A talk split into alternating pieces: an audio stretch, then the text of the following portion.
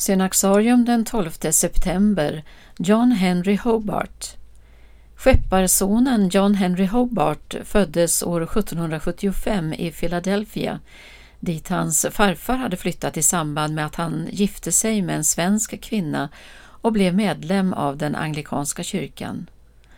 Hobart fick sin utbildning vid universitetet i Princeton, vigdes till diakon i episkopalkyrkan vid 23 års ålder och till präst tre år senare. Inom tio år hade han utsetts till biskop, först som assisterande biskop i New York och 1816 blev han stiftets tredje biskop. Hobarts storhet låg inte i det yttre. Han var påfallande kortväxt och hade svag syn, men var en varm personlighet som rörde sig med värdighet i alla sammanhang. Hans energi var obändig och han ledde inte bara sitt eget stift men utövade också ett andligt ledarskap i sin kyrka över hela den amerikanska östkusten. Hobart var känd som en orädd och uppriktig andlig ledare och en lysande predikant.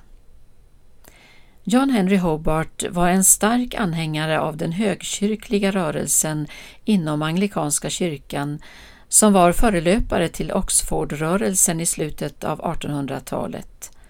Han var en försvarare av den apostoliska successionen och hade åtskilliga debatter med sina presbyterianska opponenter i frågan om biskopsämbetet.